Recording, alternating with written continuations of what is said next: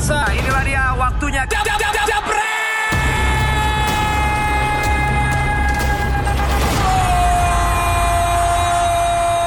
ngebahas Liga Champions yang ternyata Om Om Haryo prediksinya sesuai nih. Barca satu sama seri ini lawan uh, Napoli di kandangnya Napoli. Jadi untuk gue sih mainnya nggak bagus ya.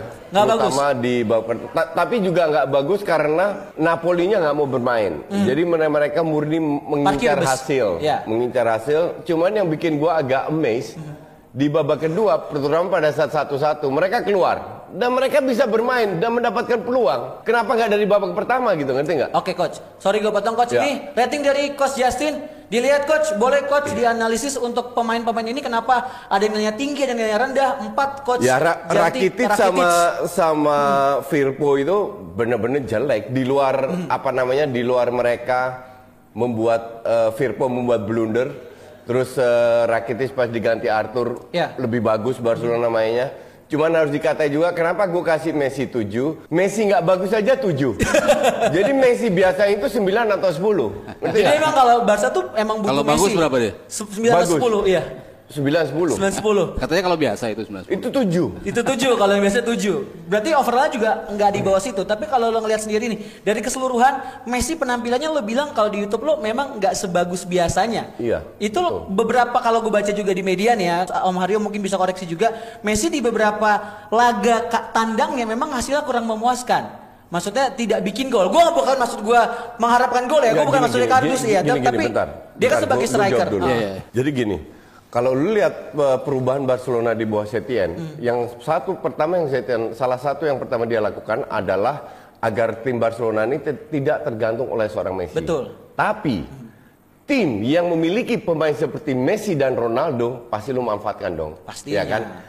Cuman bedanya dengan sebelumnya itu tidak Messi sentris dan itu untuk gue cukup berhasil walaupun belum sempurna karena butuh proses lagi. Masih ups and downs ya. Contohnya kemarin golnya Messi nyaris tidak terlibat, Ya. cuman sentuhan per- pertama dari kelima itu dia terlibat. Cuman bi- bisa bilang praktis nggak nggak terlibat. Tapi match sebelumnya dia cetak 4 gol. Itu. Ya, bisa dibilang Messi sentris lagi. Ah. Nah sebelumnya lagi hanya memberikan assist. Jadi peran Iya, Messi ini empat bu- pertandingan ya, Iya, tanpa gol. Bukan tidak penting, sangat penting, tapi tidak tergantung oleh Messi. Dan gue bilang dari sisi itu berhasil. Di luar matchnya ya, karena kalau kita lihat matchnya, Napoli bertahan oke lah, gue masih tutup mata lah. Nggak gue kardus-kardusin. karena gue tahu Gattuso kayak apa. Iya, iya, iya. Cuman, kalau lu lawan tim parkir bis, harusnya lu lebih punya kreativitas, oke? Dia turunkan tiga gelandang praktis karakternya sama, bisa bertahan, bisa menyerang. Mungkin, mungkin ya, Oke. mungkin ini keinginan dari Setien untuk tidak terlalu ofensif. Oke coach, ini lihat statistik untuk tadi malam kita lihat memang ball position jauh banget Barca megang Iya. dan Napoli benar-benar parkir bus lah di pertandingan itu. Setelah keluar dari satu sama, kalau kata coach Yasin memang gue juga nonton semalam Napoli bisa mengeluarkan permainannya. Betul. One touch-nya bagus. Bagus, gitu. betul, setuju. Nah kalau misalnya dari Om Haryo sendiri ngelihat pertandingan semalam seperti apa sih Om analisisnya? Iya, kan gue bilang kan Napoli emang punya kemampuan gitu kan, kemampuan base-nya apa? Base-nya mereka bisa ngalahin Juve satu. Nggak banyak tim yang bisa ngalahin Juve di musim ini cuman Lazio. Awalnya ya cuma Lazio, habis itu Napoli. Lalu mereka bisa mengalahkan Inter. Inter juga tim papan atas, tim yang peringkat kedua, eh, akhirnya turun ketiga ya di bawah, di bawah Lazio. Mereka juga bisa mengalahkan Lazio. Jadi tiga besar di Italia bisa mereka kalahkan dengan permainan ya ketika melawan tim-tim besar itu mereka memang permainannya seperti itu gitu. Mereka punya defense yang bagus, mereka punya eh, permainan cukup efektif lah. Ya. Kapan mereka harus ngegas, kapan mereka itu tuh bisa diatur ritmenya. Eh, semua pemain juga ketika ketika mengimplementasikan apa yang dimau oleh Gattuso, betul-betul mereka bisa melakukannya dengan 100% gitu Ya. kan. Walaupun menurut gua Terutama di babak pertama. Iya, Gattuso sebetulnya nggak punya strategi yang yang banyak lah. Iya Jitu, kalau lo yang bilang semalam kan juga lo sebenarnya juga masih agak sanksi dengan Gattuso menjadi pelatih dan juga taktik-taktiknya si Gattuso sendiri kan? Iya, iya. Kalau gue dibandingkan dengan Ancelotti ya jauh Dan sebetulnya kan. terbukti di Serie A terseok-seok juga kan. juga. Iya, cuman kan ya itu gue bilang dalam dalam tu- de- ketika dipegang Gattuso 13 pertandingan mereka cuman menang 8. Ya. Cuman 6 dari 7 pertandingan terakhir itu kemenangannya ada di situ. Itu kan arti, Itu. artinya progresnya tuh udah mulai kelihatan ke sini. ya. Dan dengan cara bermain yang seperti itu dan itu dilakukan sama Gattuso dengan beberapa pemain mengalami cedera, Koulibaly salah satunya, lalu Mertens juga eh, baru beberapa pertandingan terakhir baru bisa main lagi. Tapi Mertens sering dicadangin loh. Iya. Kalau dia itu pun dia dia bukan karena- karena- pemain inti sama untuk Kar- dia. Karena memang Oke. tidak fit 100%, makanya dia diganti. dia Oke. lebih fokus ke insinya. Ini rating dari Mas Haryo sendiri ya dari Om Haryo sendiri kita bisa lihat Om kenapa bisa ngasih eh, nilai-nilai ini 8 ini buat penyerangnya Mertens itu gimana? Ya Mertens yang pasti mencetak gol Iya. satu itu. Yang Dan kedua golnya bagus. Golnya juga bagus, begitu tenang. eh, ya walaupun ya gue menyayangkan kenapa pemain Barcelona nggak ada yang nahan dia gitu kan. Iya. Iya, Dia bisa betul. bisa nge-touch satu, dia nunggu sekian satu sampai dua detik, Detik lah ya, untuk bikin kayak melakukan gitu. tembakan. Tidak ada yang maju, Semedo diem, sebelahnya juga Pique dan lain-lain juga tidak tidak eh, ngambil keputusan untuk maju. A- Artinya tuh ada kesalahan juga di, di sisi Barcelona. Cuman ya ke- ketenangan dia, dia bisa curling bola seperti itu, dia Iya. tahu kelemahan Ter Stegen ketika berada di tengah agak sedikit telat kan sering banget Ter Stegen kemasukan gol tapi Iya. dia tidak bergerak gerak. bereaksi sama Nah, sekali. betul. Itu, kalau sering banget. ya, kalau kalau misalnya Coach Yasin ngelihat tadi kan kalau Om Hari bilang Ter Stegen. Nah, lo ngelihat perannya Ter Stegen semalam tuh gimana sih Coach? Kebetulan, Ah. kebetulan sekali, Apa? gue baru bikin video tentang Oke. beberapa kiper. Ditanya kiper top dunia apa? Ter Stegen nggak masuk? Ter Stegen nggak masuk. Enggak atau belum? Belum. Oke. Untuk gue Ter Stegen kiper bagus. Selevelnya Leno. Oke. Selevelnya Di atas Leno lah. Enggak, selevel Leno. Selevel sama Chesney? Sama Ta- Chesney? ta- Tapi belum laptop dunia. Top dunia, ya. Dan kemarin kembali terbukti walaupun di babak kedua dia cukup bagus menyelamatkan, Banyak tapi dia masih belajar banyak lah. Tapi gue tadi yang di, dikutip hari itu bagus. Kalau lu sebagai pelatih, lu analisis dulu eh, permainan Barcelona dong, bener nggak? Iya. Sebagai Gattuso, titik lemah di Barcelona di mana? Oke. Di lini belakang. Oke. Nah itu harusnya lebih bisa dimanfaatkan oleh Napoli karena lu bermain di kandang sendiri. Benar. Kalau lu parkir bis away selevel Napoli, gue masih tutup mata lah, ngerti nggak? Tapi di kandang harusnya karena berapa kali di babak per- pertama mereka keluar dari counter itu mainnya bagus, one touch-nya keren banget loh. Tapi walaupun mereka markir bus, cuman kan on targetnya lebih, on targetnya Ya. juga Lebih lebih, banyak banyak. dari ya. Barca, Berarti ya. kan efektivitas itu yang yang dipercaya sama Gattuso dan didukung sama fansnya menyukai hasilnya seperti itu, Hmm. ya dipraktekkan gitu kan. Kalau Ya. lawan-lawan kan gue bilang ketika lawan Inter, ketika lawan Lazio, Nggak, per, ketika per- pertanyaan adalah pada saat mereka main terbuka akan lebih dapat peluang nggak? Kayak di babak kedua contoh setelah satu-satu. ya belum tentu juga karena kan yang yang dia Nah, kalau- dapatkan Kalau, kalau gue bilang akan lebih banyak peluang karena back four-nya Barca itu soalnya jelek. soalnya ketika mereka mengimplementasikan sepak bola menyerang mereka kalah sama Lecce 3-2 Ya. itu kan bukti juga ketika mereka asik menyerang justru mereka kebobolan itu salah satu kelemahan dari Napoli juga Tapi Lalu- Lecce ngalahin banyak tim besar juga loh. iya maksudnya kan tuh di antara rentetan tiga kemenangan beruntun yang diputus oleh Lecce itu kan Iya. Oke. Ar- artinya eh, ada ada apa ada ketakutan juga sama Gattuso ketika di counter apalagi tim sekelas Barcelona yang melakukan counter tentunya dia kan punya kalkulasi Hmm. kapan gua harus nyerang kapan gua harus bertahan kapan gua harus maksimalin counter attack lawan Perugia mereka nggak main kayak gitu mereka main lebih menyerang cuma kan Perugia punya dua atau tiga peluang emas ketika mereka dikalahkan 2-0 ya sama sama Napoli artinya emang ini betul-betul dikalkulasi sama Oke. sama Gattuso Kalau memang misalnya nanti eh, kalau kata Coach Yasin mendingan Napoli main terbuka aja. Tapi kalau misalnya main Karena terbuka mereka main di kandang. Memang coach. Cuman kalau misalnya nih kalau gua sebagai orang awam nonton bola, kalau Napoli main terbuka, terus mereka melawan tim sekelas Barca, bukan ntar malah diobok-obok coach Nggak, pertahanannya. bentar, bentar. Lu jangan kayak kardus ngomongnya. Oke oke gimana? Terbuka itu bener-bener terbuka mem- membuka kayak Chelsea. Itu Iya. terbuka. Kan nggak harus gitu juga. Aha. Ngerti nggak? Jadi permainan itu bisa tetap contoh, nggak terlalu terbuka tapi lebih dengan 3 4 pemain Iya. yang lebih menyerang. Jadi kalau lu kehilangan bola masih ada dua DM yang me- meng- meng-counter gitu loh. iya. Ya, jadi, bukan terbuka kayak Chelsea bener-bener kebuka ya itu diobok-obok.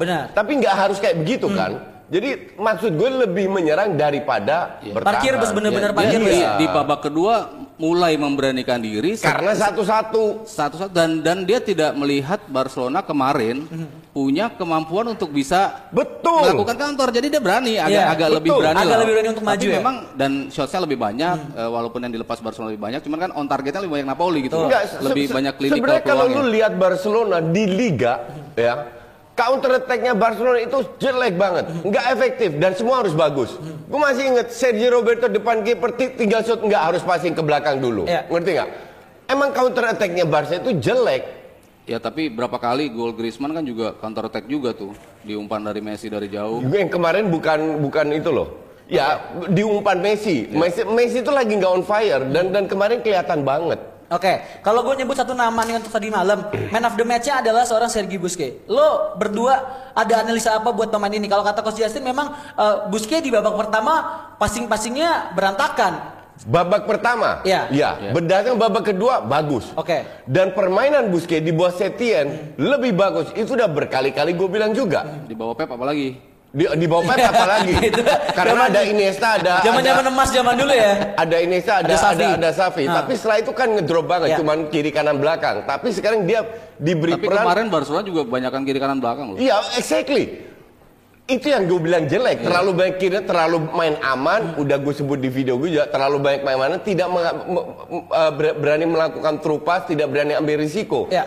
Tapi the- overall, secara overall, permainan Busquets itu lebih mema- Lebih berkembang. Lebih berkembang karena dia lebih berani memberi end passing, lebih berani ke depan. Dan terbukti, Golnya juga dari golnya juga asalnya dari dia. Jadi emang itu ciri khasnya Barca untuk gol seperti itu, Loh, ya? itu ciri saya seorang DM harus bisa Iya, maju ke depan itu. juga. Oke, kalau dari Om Haryo sendiri melihat Busquets semalam seperti apa, Om? Ya bagus, maksudnya dari dari sisi koordinasi kan dia memang ya walaupun harus diakui lah turun dari masa primanya banyak yang mengakui itu dari sisi kecepatan Umur. apalagi usia memang memakan kualitas dia mau nggak mau gitu. Cuman tetap masih sulit untuk mencari pengganti dia gitu di Barcelona yang bisa link up play bisa membangun bola dari bawah kapan harus Gue eh, bilang menahan bola. Frankie Jong bisa, bisa banget. Frankie De Jong Ka- ya ka- ketika dipasang di DM dia nggak sebagus Enggak, ketika agak lu, sedikit lu maju tidak kan. bisa menilai hanya dari satu dua match. Kita menilai dari timnas Belanda. Dia sering bermain sebagai DM. Iya, seandainya cuma kan dia berapa itu kali dicoba Di tanpa- Ajax pun demikian. berapa kali dicoba tanpa Busquets masukin De Jong nggak nggak bisa kali keluar seperti itu Oh, juga mungkin agak beda, tapi perannya kan dia lebih box to box. Nah, Iya. sebagai DM dipasang kayak kemarin Kak- juga jelek loh Kak- si De Jong mainnya De Jong bukan kemarin, empat match terakhir jelek. kemarin kebanyakan ngebelakangin bola Iya, apa, iya. ngebelakangin Empat gawang match gitu terakhir itu jelek. Oke. Dan it it happens. Kita tahu semua kualitas dia. Cuman maksud gue kalau lu pasang Dion sebagai DM, dia akan bisa lebih ofensif lagi, ngerti nggak? Bahwa dia punya visi itu udah nggak bisa dipungkiri. Cuman dia butuh butuh namanya pemain ups and down biasa lah. Oke, nih Coach Justin dan juga Om Haryo ada pertanyaan dari Satya Ananta. Mengapa Napoli bisa bermain bagus di saat melawan tim besar? Bisa mengalahkan Juve dan juga Lazio sekaligus menahan imbang Barca. Faktor apa yang membuat Napoli itu spesial ketika lawan tim-tim besar? Itulah yang membuat Napoli sekarang berada di ra- ranking papan tengah. Karena kalau dia bagus terus, dia berada di papan atas. Akan saingan tiga besar ya? Nggak nggak jauh kayak MU lah. MU kan gitu juga, lawan tim besar bagus mainnya. Nggak selalu menang, tapi bagus kan? Iya. Pas lawan tim papan bawah udah Kemarin bisa menang sih Coach ya, bisa menang Iya, itu- banyak sih. kalau lawan rank 19 sama 20 menang. What do you expect ya? What do you expect? sama Norwich menang lah. Iya, iya. kalau komparasinya ke MU agak susah gitu Ka- karena karena dia tidak punya gaya yang berbeda lawan tim besar lawan tim Dan- kecil mungkin semangatnya yang bisa membedakan Iya, iya. Bukan yang yang dikompresi itu murni hasil dan Murni la- hasil. lawan Iya. tim ke- kecil sama ya, tim besar. Kalau yang tadi seperti gua katakan, Gattuso itu ketika lawan tim-tim besar itu, Hmm. dia berpikir keras gimana caranya supaya gua nggak kebobolan, gue cukup efektif dan itu terjadi gitu Hmm. kan. Lawan lawan Juve 5842 lah eh, Ya. itu apa ball possessionnya. Lawan Lazio juga 5446 lah. Hmm. Eh, a- selalu kalah ball possession lawan Inter juga mereka kalah ball possession. Tapi tapi uban yang ditembakkan sama hasil yang didapat itu efektif gitu loh Iya. yang dilakukan oleh Gattuso terutama lawan tim-tim besar yang gue katakan tapi ketika lawan Lecce ketika lawan Perugia ketika lawan tim-tim yang kualitasnya secara merata di bawah mereka Iya. mereka mainnya jauh lebih lebih lebih berani menyerang posisinya lebih banyak umpan yang dilepas lebih banyak itu kan jadi ada bedanya nih dia lawan mana sama lama itu di betul-betul diukur nah kalau tanya tadi kenapa lawan tim-tim besar ya karena memang dibuat seperti ketika lawan Barcelona Berarti kemarin. taktik dari Gattuso juga cukup oke sebenarnya. Nggak oke lawan tim Defense- besar. Tim besar. lawan tim besar defense defense wise oke gitu yang gue bilang juga Meskipun nggak ada Kolibali Kal- juga ya. Gue gue bilang gue tidak begitu impress dengan Gattuso dalam arti begini. Kalau lu lawan tim besar oke sama kayak MU. Iya. Kenapa? Artinya apa? Artinya tim besar ini nggak mungkin bertahan. Artinya lu le- lebih me- melakukan reaction football. Ngerti nggak? Lawan tim kecil, lu harus mengambil inisiatif. Lu Betul. harus kreatif. Di situ dia gagal sama kayak MU. Secara overall ya, bukan satu dua match ya. Iya, iya. Secara overall, secara overall. Jadi memang kalau misalnya dari Napoli sendiri, kalau untuk tim besar dia cukup oke nih Gattuso taktik-taktiknya dan menurut lo kalau diimplementasiin ketika nanti di laga second leg nih bisa nggak Gattuso bermain seperti itu di Camp Nou? Pasti. Pasti Bisa. parkir bis. Pasti parkir, tapi bisa nahan Dan pasti kalah, nggak mungkin. Pasti Ba- kalah. Bas, Barca pasti ngegas lu inget lawan tim siapa pun lah. Liverpool aja kalah 3-0 loh. Iya. Tapi kan kalau ngomongin soal sorry nih, kalau gue throwback sedikit, Barca tuh setiap di second leg, mereka tuh tanda kutip eh, hasil terakhir Enggak. lawan Roma dan Liverpool. Bukan second leg, Iya. enggak. Itu Lu, lu tandang. bukan Ya, tandang. masa, iya. Itu tandang Itu ya? tandang. Tandang home on away. Ah. Itu beda banget. Oh iya, kalau mereka it, it tahun lalu itu second leg atau enggak. tandang ya? Ya? Tandang. Second leg-nya Di tandang ya? tandang Oh kan iya. Hmm. kalah lawan Roma, kalah lawan Liverpool. Iya. Di kandang kan mereka diobok-obok. Sama pun juga dengan PSG. Hmm. Jadi Kal- kalau- Napoli pun akan diobok-obok. Kalau kita bicara tandang, Barcelona nggak nggak Nggak terlalu impresif lah. Cuman bisa menang sekali dalam 9 laga tandang Ya. Apa? Lawan siapa? Liga Champion. Inter Milan. Inter Milan, ya. dia dia dia bisa di di tandang. Di tandang Milan Pak kan kosong kosong deh. bukan menang. Menang 1-2. Bukan kosong kosong ya? 1-2 menang. Iya, eh, cuma sekali ya, cuma sekali menang lah Iya. dalam dalam 9 kunjungan terakhir. Terus Oke. ya kalau di di fase knockout ya, eh sorry, di fase knockout. Oh, Oke. Di, di fase knockout terakhir dia menang lawan Manchester Manchester United. Menang menang Ya menang enggak, 1-0. enggak heran lah menang lawan United. Cuman selebihnya kan di kandangnya mereka bisa Iya. menang Mario. Iya. Lawan PSG mereka bisa kalah 4-0, tapi Iya. kan habis itu bisa menang Iya. 6-1. Artinya ketika mereka main kandang, situasinya akan Berbeda. akan jauh, Beda, akan beda jauh berbeda. banget. Makanya kemarin gue bilang seri ketika main di Napoli. Oke. Iya. Cuma ketika main di Barcelona, ya Barcelona Ya, menang pasti. menang. Iya, Apa pun hasilnya di leg pertama, Barcelona tetap Lu akan kalau lolos. pernah ke Camp Nou, lu lihat di situ, lu lihat stadionnya, lu lihat atmosfernya. Atmosfernya luar biasa, coach. Lu Dari bilang, nonton doang. Anfield kalah kalau gue bilang. Kalah ya? Iya. San Siro kalah, coach. Ini- San, San Siro lagi, udah please deh, nggak usah bahas San Siro. Oke, Barcelona di second leg kemungkinan akan banyak sekali pemain yang cedera dan juga kena kartu. Pique bisa Oke. tampil. Oke. Yang yang nggak bisa kan cuma Vidal sama Busquets. Oke, Nggak ada Coach, masalah. Sorry sebentar gue potong tadi ada pertanyaan. Emang Coach Yasin pernah ke Anfield sebelumnya? Nggak. Belum pernah? Nggak mau. Baru ke Barcelona? Gua- Jauh lebih horor ya Bang gua Khalid ya? tidak mau. Oh, udah ke Camp Nou ya, Mas? udah ke Anfield? Oh, jangan turis ya? Gue tidak mau. Trafford? Karena untuk gue biasa aja. Oh, itu. biasa aja. Nothing special. Ya udah, nanti urusan sama Bang Khalid ya. Stadion tua itu. Oke, kalau dari tadi gue lanjutin lagi. Nah kan pemain banyak yang cedera dan juga Oh iya bener juga Banyak yang cedera, banyak juga yang kena uh, sanksi ya Vidal juga kena kartu merah kemarin Terus uh, terakhir Pique juga Enggak, udah dia, bisa dia, main. dia cuma kesleo ke Seleo. Kan jatuhnya Tapi kan agak ntar ini miring. ada ada El Clasico ya coach ya sebelum Iya, hari sebelum Minggu. leg 2 ya. Iya, iya. Itu kalau misalnya pemain terkuras ininya energinya. Lu itu terlalu kardus, pemain terkuras-kuras. Gak ada ter... Ketika masuk Maret, Ah. nah itu itu memang pemain sudah terbiasa tampil dua kali, apalagi yang biasa main di Liga Champions Hmm. Oke. kan. Dua, dua kali itu normal. Iya. Dua kali tampil itu normal. Itu Jadi udah. lu dapat tiga hari istirahat itu normal. Hmm. Yang nggak normal itu pada saat Arsenal main di Olympiakos, Iya, iya, iya. Kamis malam, Jumat baru balik, Sabtu istirahat, Sehari cuma sehari Minggu ya? main. Nah Istirahat itu baru sehari. sehari. Tapi kalau lu main tiga hari itu normal. Oke, cuman, oke. cuman ya memang physically ya, apa uh, psychologically karena mereka kan ketemu Madrid, kemungkinan Ap- mereka Apalagi itu lebih terpompa. mereka mereka kalau kalau kalah kan mereka kehilangan posisi puncak. Puncak. Art- artinya kan Ada- ada ada, pertaruhan Ah. lah. Di situ bisa mempengaruhi lebih ke mental gitu. Cuma Ah. kalau dari sisi fisik mah nggak ngaruh. Pemain mau main Nggak ngaruh ya? Dari sisi fisik sih nggak ngaruh. Nah kalau lihat tadi kan kalau lo- Coach Yacin juga bilang, Om Hari juga bilang eh, Gattuso akan main seperti di leg pertama, bang parkir. Bukan di babak pertama. Di babak bukan pertama, oke. Tapi Setien di leg kedua akan main seperti apa nih? Sedikit aja analisisnya. Ini yang suka Setien. Nggak, nggak berubah. Nggak berubah. Setien gini ya. Lu harus pisahkan antara strategi dan eksekusi di lapangan pemain seperti apa. Hmm. Oke. Strateginya pema eh, Setien mau main away home nggak berubah. Hmm. Tapi eksekusi pemainnya jelek. Nah, yang harus dikatakan Messi, lu harus lebih berani ambil inisiatif, lebih agresif, bla bla dan lain-lain. Lebih variatif dan semoga Alba main nggak kalau gitu. Belum kayaknya. Eh, Firpo itu nggak banget lah. tapi Firpo eh, banget. eh, anyway, Itu kan pemain kesukaannya Iya, Setien. nggak tahu lah. Pokoknya Fi- Firpo itu Iya. nggak banget. Semoga jus- justru gue bilang kalau perlu pasang Ntar Sergi dipindahin ke kiri. bukan si juga. Ansu Fati, Ansu Fati. di back kiri kayak Saka di Arsenal, ngerti nggak?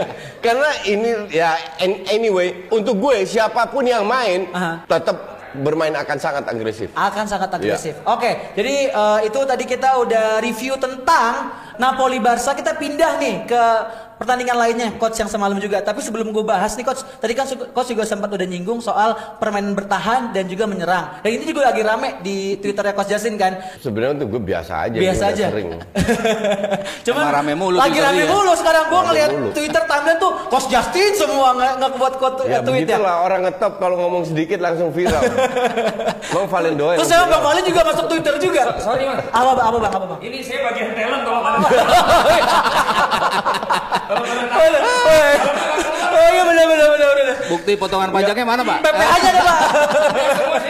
Oke oke oke. Ja- jadi kalau bilang omongan gue itu kan suka dipelintir. Either dipelintir atau otak mereka nggak nyampe. Ya udah diluruskan di sini coach. Oke. Oke, maksud Ja- gue tadi pertanyaan gue nih Nggak mungkin bahasa lo itu membuat orang bisa Mungkin. memahami banyak versi gitu. Iya. Mungkin. Itu. Pa- pa- padahal gue Karena ngejelasin coach itu, eh kalau coach itu dia langsung to the point, Iya, exactly. skakmat, kadang-kadang juga Un- nyelekit gitu untuk ka- kalau gue bilang enggak kalau kas, dalam kasus ini Kayak lu- Sintayong ya? lu benar bisa berinterpretasi. Kasus ini gue udah berkali-kali ngejelasin. Gue anti parkir bis kalau yang dilakukan itu oleh tim besar karena tim besar punya kewajiban moral untuk men Menyerang. mengentertain dan Kewaji- itu kewajiban persis menurut- apa Menurut siapa? Kalau Kewajiban untuk kewajiban- entertain kan menurut lu. Menurut siapa? kewajib enggak enggak menurut gue menurut Jurgen Klopp ayo lu mau salahin apa Ya udah, oh, lo sama Klopp, oke. Johan Cruyff Oke, dan yaudah. seluruh penduduk Belanda Oh iya, oke, seantero Belanda ya. Lo ya. mainnya enggak. Belanda dikit Enggak, dong. bentar. Entertain sepak bola itu entertainment. Pasti. Oke? Zaman sekarang seperti itu. Tujuan- itu industri. apa? Industri. Iya. Tujuan kan tetap untuk mengentertain. Mhm. Buat apa mereka dibayar mahal? Buat apa penonton datang untuk lihat hanya menghasilkan skor? Nggak usah nonton dong. Iya. Jadi murni untuk tim besar. Cam, tolong dicatat, Mhm. oke? Gue tidak anggap Napoli tim besar, makanya gue tutup mata soal Oke, Napoli. berarti kita ngomong- Tapi soal tim kayak Spurs yang termasuk enam besar, kayak ATM itu termasuk untuk gue termasuk tim yang dikenal lah. Berarti Spurs tim besar. Termasuk termasuk ter- iya dong enam- Iya, benar, kan, benar. kan big nanya six. ya. Begitu Iya, tim begitu besar. begitu dipegang Mourinho jadi dia jadi tim besar Enggak, menurut dia. tim tim besar kan ada enam big six Big kan six, ya. tapi dia nomor enam Oh iya. Baru turun. Tim baru besar tapi paling bawah gitu Iya. ya. jadi untuk gue untuk gue bukan kalau lu bicara Watford Ah. atau apa parkir bis fine fine aja. Berarti Arsenal tim besar atau bukan, kualitas ya jelas. Ini pertanyaan tolol, Mar. Masalahnya sorry lu sorry. jangan. Masalahnya kan di peringkat sekarang masih belum di Nah kan kan, besar. kan, kan meng- meng- mengandalkan peringkat doang kan kardus kan. ya kan gue nanya maksud gue. Enggak, lu nggak Iya, nanya. iya, Lu, iya. lu udah ngomong peringkat, artinya Iya. lu mengarahkan. Iya. Itu bukan pertanyaan. Oke oke ya udah terus. Lu nggak. Gue belum... Iya. Gue udah lupa ngomong apa. Watford, Watford. ya tolong jadi ya. potong. Iya, oke, oke. Udah diem aja lu. Oke. Jadi itu yang gue kritik bukan kalau tim kecil bermain, Mhm. tapi kalau lu sebagai tim besar lu unggul 10-15 menit terakhir lu main parkir nggak masalah. Kita bicara tim yang dengan intensi masuk ke lapangan bermain parkir itu akan gue hajar kiri kanan. Oke. Kan, tapi pelatih kan punya kewajiban kepada pemiliknya kan, Pemiliknya. pemilik klub. Ada KPI. Bentar, bentar. Ada bentar. tujuan, Lu apa? bener. Iya. Tergantung klubnya. Kalau kita Lah iya, makanya ka- ka- masing-masing kalau kita klub kan bicara klub besar kayak Ajax, Bayern Munchen, Barcelona, Madrid, Liverpool. ah, ma- ma- Madrid nggak punya filosofi. Eh, Arsenal, Iya. Liverpool, mereka pak nggak mungkin main parkir bis. Pelatih-pelatih kayak gitu dan dan Iya. pelatih itu punya kewajiban juga loh. Kok ya itu kan gue bilang menurut lu, menurut Klopp, menurut Cruyff.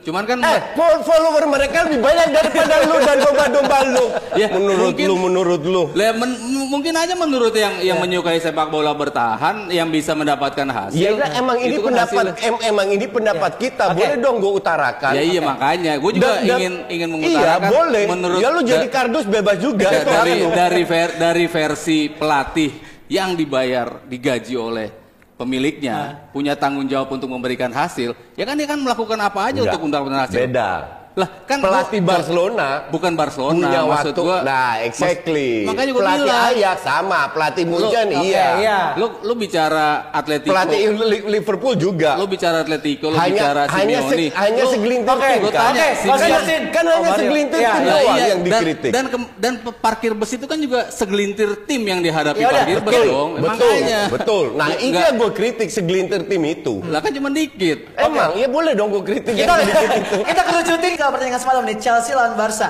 Chelsea mem- main Kok Chelsea lawan Barca? Eh sorry, Chelsea lawan Munchen. Eh. Skip gua kan Chelsea lawan Munchen. Chelsea terlalu main terbuka. Iya. Ya. Lo ngelihatnya berdua seperti apa sih semalam? Terlalu muda. Diobok-obok. Lu kalau 0-3. gue lihat line up-nya Iya. pada saat line up keluar, Ah. gue nge-tweet, wah Chelsea berat nih. Emang berat, Coach. Tapi apa pun line up dan, tetap dan, berat. dan terbukti ya enggak karena di match terakhir dia turunkan Ya. match terakhir atau sebelumnya Munchen turunin cadangan loh banyak. Hmm.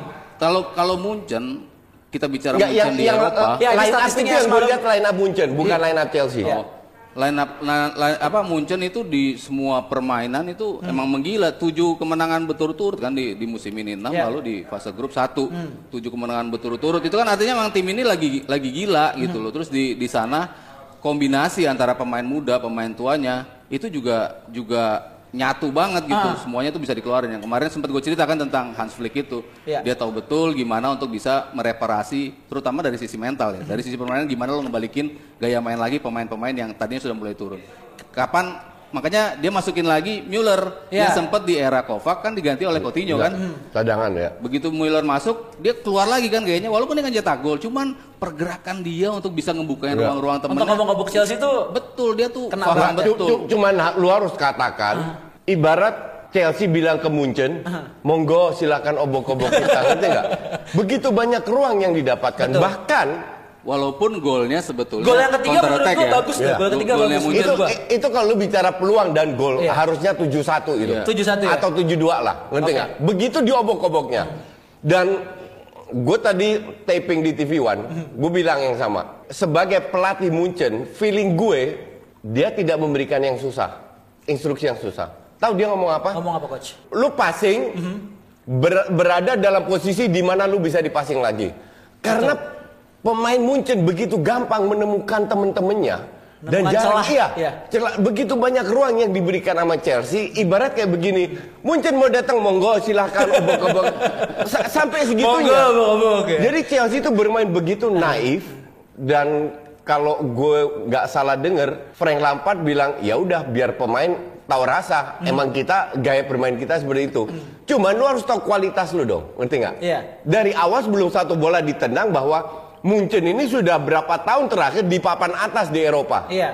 di Ja- apalagi Chelsea di di Jerman bawahnya Munchen. Ce- Chelsea musim ini nggak bisa beli pemain dengan pelatih baru Ya. la- lagi bangkit, ngerti nggak?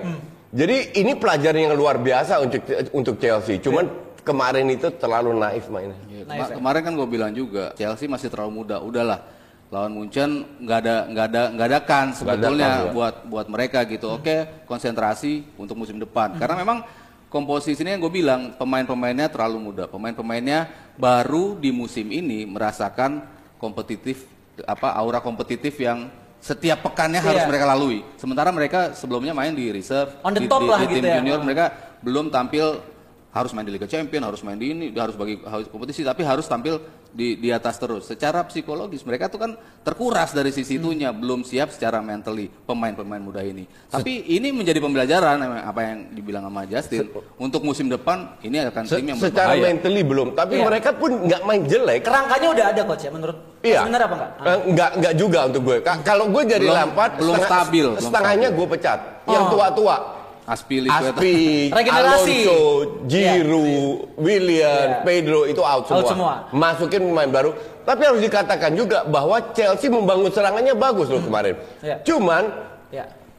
eh, passing akhir dan finishingnya itu buruk banget. Mason Mount dapat beberapa kali bola itu buruk banget. Lagi turun lagi nih ya trennya. Lagi turun, pemain karena Chelsea. anak muda. Iya. Nggak ada masalah and juga. emang, Iya, emang, iya. emang apa faktor Iya. pengalaman sama jam terbang ya. Eh, Rinaldo Aldo nih, eh Rinaldo Edo, Coach Justin. Gak bisa gitu coach, karena setiap pelatih punya filosofis berbeda dan gak semua pelatih punya kemampuan seperti Johan Cruyff dan juga eh, otomatis mereka melakukan hal yang mereka pahami itu gimana? Nah, gue bilang apa tadi? Dipelintir lagi kan? Iya. Yang gue sebutkan klub besar. Ah. Klub besar harusnya pelatihnya mampu dong untuk bermain seperti itu. Hmm. Kalau kita bicara klub kecil, paham aja. Nah, tweet kayak gini itu ribuan. Yang. Ini tololnya minta ampun. Jadi yang tahu di IG sama di Twitter coach? Semua. sosmed itu rata-rata banyak yang tolong. Iya, iya, iya. Beruntung follower gue masih agak pintar. Agak pintar ya? Agak pintar. Agak manut ya? Cuman yang aneh, Apa, lu, Coach? lu percaya nggak? Mungkin 50, 100 yang gue blok hari ini dan kemarin. Wow, udah udah 50 kok, sudah 100 Ya, hari ini. Kira-kira itu. Ya, hari ini, dua hari ya, hari kemarin. Rata-rata fans MU. Wah, berarti Mas Emil memang Serius. Jadi gue cek dulu sebelum blog MU. Kardus. Gue juga bingung kenapa MU atau enggak. Ternyata fans MU yang banyak yang kardus. Dan ini pasti fans MU juga. Oke. Oke, satu lagi. Satu lagi, nah, satu kalau lagi. ini mau komplainnya bukan ke Coach Jasin tapi ke Bang Valen. Dari Gema Syah Dinata. Admin bilangin ke Valen potongan rambutnya mirip vokalis Kufaku Band. Search aja kalau nggak percaya. Gue bakuben yang mana ya? Coba di search. Gak Gue tahu lagu. Hancur. Itu band paling hancur seluruh dunia. Ini baru jambul ya, jambul katulistiwa ya. Tahu nggak Kufaku Band? Nggak ini. Tahu. Lu mending gak tahu. Ngebahas orang Gnabry. Iya. Dia tetap nge-tweet yang kontroversial semalam nih. London is red, Red. ya. London Di- is red. Not Dikit only, aja, Coach. Not Dikit aja, only, Coach. not Dikit, Coach. London, but Dikit, Coach. London Dikit. is red. Ya. Rednya maksudnya muncul. Rednya, rednya maksudnya Indonesia gitu ya. Red, red is red. Red is red. Red is red. Iya dong. Iya. Mau muncul mau apa pokoknya red is red. Yang Udah benar itu aja. England is red sekarang. Wush. Ayo udah kita Indonesia tinggalin aja deh, udah itu aja ya. Ini udah pada request buat yang ntar malam ya. Real Madrid lawan City nih. Main di Santiago Bernabeu terlebih dahulu. Lo melihat kedua tim ini memang tanda kutip lagi eh, ya Lagi ada masalah. konsisten. Lagi nggak konsisten. Exactly. Makanya gue bilang match ini sulit diprediksi Mhm. karena ya itu nggak konsisten. Tiba-tiba Benzema on fire, tiba-tiba Aguero on fire, tiba-tiba ada aja. Cuman kalau dari sisi strategi gue lebih mengunggulkan mengunggulkan Pep. Kenapa? Taktiknya. Iya, kenapa? Karena sebenarnya yang jadi masalah di City itu bukan strategi. Mereka tetap ball possession, tetap menciptakan peluang. Hanya finishernya jelek. Sterling City. ancur-ancuran, Sane ce- cedera, eh, Bernardo Silva enggak ups and down, Iya. Mahrez ups and down, Aguero pun demikian. Tapi Dan mereka, tapi Madrid- mereka masih mencetak gol terbanyak loh. Oh di- iya, di Premier League. cuman dibanding tahun-tahun lalu Ya, beda ya. banget. Apalagi nama Sterling tuh hancur-hancur. Madrid pun demikian. Madrid pun kalau Ma- Madrid lagi on fire, lawan tim seluruh dunia bisa dibantai, dibantai bukan menang dong dibantai. Iya, dibantai. Cuman Madrid dia tahu sendiri pemainnya dirotasi terus, kadang pakai yang tua-tua, Kadang kadang, yang muda-muda, iya. kadang di mix ya dan masih terlalu tergantung oleh seorang Benzema. That is the problem. Dan gue bilang Bernabeu itu nggak seangker-angker Ajax menang berapa itu Iya. tahun lalu Tetap- 4-1 itu berapa? 4-2. Camp Nou mungkin yang lebih angker coach ya. Iya dong. Beda sama Anfield. Nah, tapi kan- Arsenal bisa cetak 5 gol di Iya Anfield. iya iya iya, dari iya. mana? Ya udah. Karena gua nggak ngomongin Anfield. Balik lagi pemain Iya muda, iya iya. pemain Fakta muda kan? Iya fakta ya fakta. Nah kalau menurut Om Haris sendiri gimana dari Ya. kedua tim ini? Ya Madrid tetap ya kalau kita bicara champion Ma- Madrid is Madrid. Madrid Iya. is Madrid gitu. Mereka Masih superior gitu Iya, ya. mereka, masih, mereka iya. mas- masih punya something gitu Iya, loh untuk, iya, untuk betul. untuk mematahkan semua prediksi gitu. Terus kalau kita bicara kemajuan ya Courtois sudah mulai main bagus lagi. Baik. Terus dari sisi Dari sisi back deh. da- dari sisi backnya Sergio Ramos udah uzur tanda kutip tapi uzur ya. tapi masih masih yang terbaik lah. iya. Jam Masih- terbangnya tinggi. Enggak, tapi udah menurun. Udah menurun udah, iya. udah menurun. Oke. Tapi masih salah satu back terbaik di di dunia lah menurut gua Ramos tuh masih dan dia masih punya potensi untuk melakukan sundulan-sundulan kan selalu kan Iya, bola-bola mati. penalti, iya. Bola-bola atas cuman Bola-bola atas. udah agak lambat, fisiknya penalti. udah agak udah udah mulai cracking lah. Ya, ju- Ya yang masalahnya di Madrid ya menurut gua tadi ya menyambung apa yang dibilang Justin karena memang komposisinya belum ketemu yang ideal nih si Iya. si yang apa stabil, yang konsisten. Padahal udah yang ideal yang dalam lewat nih dalam ya. dua Heeh. pertandingan tuh bisa main bagus terus tuh belum ketemu gitu Iya, makanya betul. kenapa kenapa terus dirotasi kenapa eh, Modric bergantian eh, dengan Kroos dengan Valverde dengan Casemiro selalu ada rotasi di situ lalu di depan Rodrigo juga diberi kesempatan ternyata bagus cuman kan nggak nggak berturut-turut laganya bagus iya. Lucas Vazquez kemarin Ma- bagus lagi gitu cuman kan berapa kali dia main jelek Jovic juga Iya. ya masih gitu-gitu Ma- ya Jovic. Makanya ya. gue bilang pada ya. saat Madrid berada di atas, ya kan, berapa pekan kan, Iya. Iya. gue bilang santai aja. Ini bakal turun. Bakal turun, ya. Dan terbukti. Dan Barca yang juara musim ini. Iya, Bukan kayak- karena Ba- Barca Iya. hebat. Ah. Barca juga masih berkembang di bawah pelatih baru kan, Iya. masih nggak konsisten. Tapi Madridnya ini yang nggak konsisten. Cuman kalau di Champions League beda lagi. Iya, beda. Nah, Mereka punya mental juara. Semua Beda pemain mayoritas itu punya mental juara. Itu yang mungkin bisa membantu mereka untuk eh, jauh lah. Oke, berarti kalau udah di Liga, coach yakin Barcelona bakal di atas Yakin. Madrid ya. Kayak coach Yasin yakin musim ini Arsenal di atas MU ya kita Ah, lihat betul. nanti ya. Berani taruhan lagi satu tiket buat bini gue. Gue udah satu tiket taruhan nama Pange. Tinggal bini gue belum taruhan taruhan satu tiket lagi. Mungkin. Juventus ada yang mau, silakan Ja- Juventus. Jakarta Amsterdam. oh, PP apa one way coach? PP dah lu bandel lagi. Wah. Oke oke, ada pertanyaan buat Mas Aryo nih Mas Aryo ya. Ya. Apakah Tua Zidane di UCL akan jadi faktor penting di pertandingan ini? Karena kan memang Ya. City untuk rekornya nggak pernah menang nih lawan Madrid nih. Iya, Di UCL ya? Di UCL bukan lawan Madrid doang, lawan AS Monaco aja mereka kalah, lawan Liverpool mereka Tapi kalah. rekornya City lawan Madrid tuh memang belum pernah menang gitu kan. Iya, ya, tapi kan ya selalu selalu ada komparasi pemain yang berbeda kan di Ya. setiap di setiap pertemuan. Cuman ya Exactly. apa kalau kita bicara di laga ini, Ya. gue masih megang Madrid untuk bisa menang ya di laga di laga, Di laga kali ini, ini. yang lolos siapa?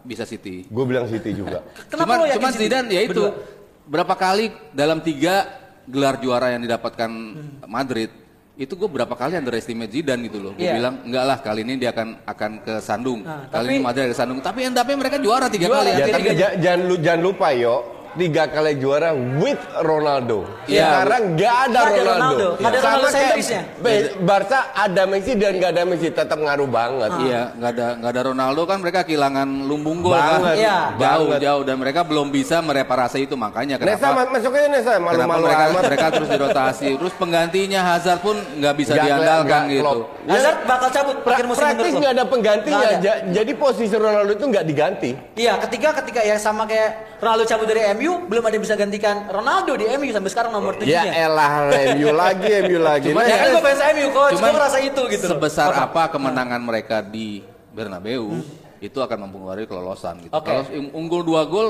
gua rasa mereka bisa lolos. Ka- Cuman kalau kalau seri lewat. kalau nggak nyampe nggak nyampe dua gol, satu gol aja itu bahaya. berat, Oh, iya. iya. Baik pemirsa, inilah